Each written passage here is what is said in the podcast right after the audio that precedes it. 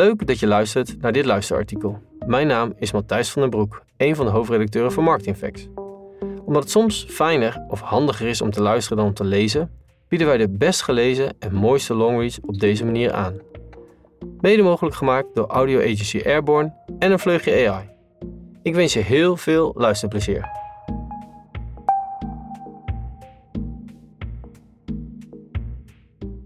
De korrel zout bij Data Driven. Over optimalisatie. We weten beter wat werkt en dat is commercieel aantrekkelijk. Maar het toevoegen van waarde in brede zin staat ermee onder druk. De auteur van dit artikel is Kevin van Kalkeren, manager product management en data science bij Onmark. Bestaat er zoiets als te veel data? IT-kosten en privacy even daar gelaten, gelijk even twee knuppels in het hoenderhok, zegt de nieuwsgierige analist waarschijnlijk, dat is nog niet voorgekomen. Er is altijd nog wel iets anders uit te sluiten, altijd nog extra optimalisatie mogelijk. Altijd nog een klantgroep die we niet in kaart hebben. Maar data-driven vreet brandstof en loopt ook het risico dat je in rondjes blijft rijden.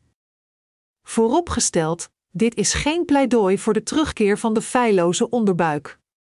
Nog los van alle biases die we als mens hebben, moeten we ook nederig zijn. ChatGPT slaat de gemiddelde brainstormer om de oren tegenwoordig.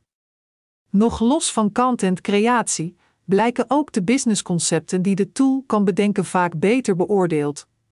OpenAI Code Interpreter daarentegen is een knap staaltje, maar als je niet zelf de analyse kan volgen die de plugin voor je uitvoert, of de tool daarin kan coachen, wandel je fluitend het ravijn in. Wat dat betreft biedt het nu een laagdrempeliger maar foutgevoeliger alternatief voor de natural language querying die veel BI-tools al hadden. Diepgaande analyse zonder tech skills is alleen nog een belofte, hoewel de ontwikkelingen snel gaan. De huidige lichting AI stelt ons daarmee voor een nieuw vraagstuk. Voorheen was nieuwe techniek vooral een tijdsbesparing, zodat wij de leukere, slimmere, strategische dingen konden gaan doen. Op het moment is veel AI juist beter in dat laatste, en dat is confronterend. Moeten we dan allemaal toch data-analyst worden, ondanks dat de tijd van het coderen voorbij leek te zijn? Nee, want te veel data maakt de wereld voorspelbaar, in alle zinnen van dat woord.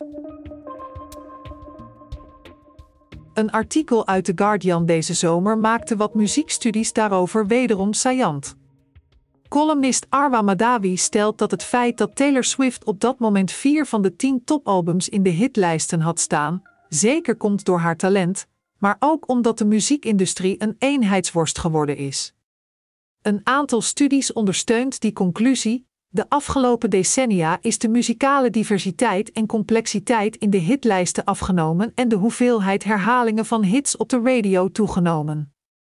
De boomer in jou of je omgeving had dus gelijk. Die populaire muziek van tegenwoordig wordt steeds meer hetzelfde.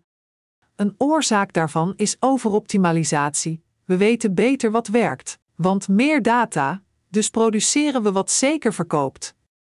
En natuurlijk is dat wellicht commercieel niet erg, want de bedragen zijn astronomisch. Maar het toevoegen van waarde in brede zin staat ermee onder druk. Een parallel met het normale bedrijfsleven is niet ver weg. Met goede data kun je voorspellingen maken over de toekomst, binnen de kaders van wat je over het verleden weet. Een mooie uiteenzetting over de rol van intuïtie hierin las ik van Ben Stansel.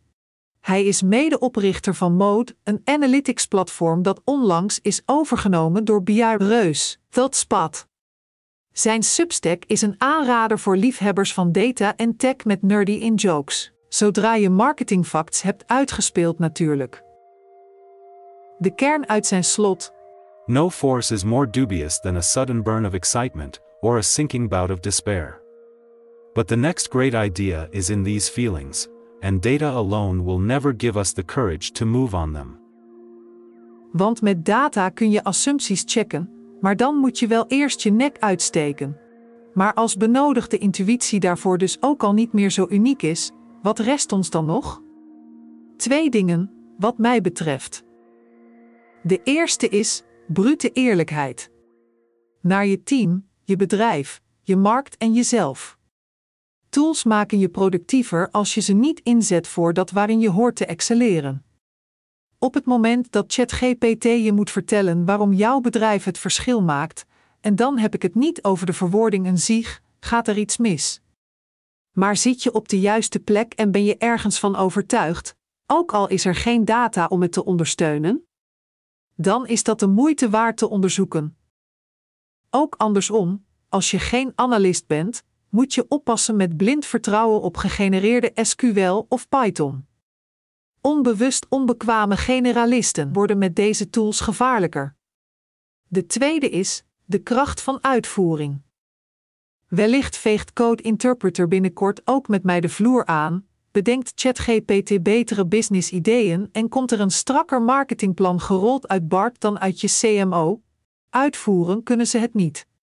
Er wordt wel gewerkt aan AI die weer andere AI aanstuurt, maar er zit een verschil tussen simpele losse taken automatiseren en een heel product ontwikkelen en vermarkten. Opgeteld betekent dit een balans tussen datadrijven en ondernemen en vooral weten waar de grens daartussen ligt en waar die van jezelf liggen.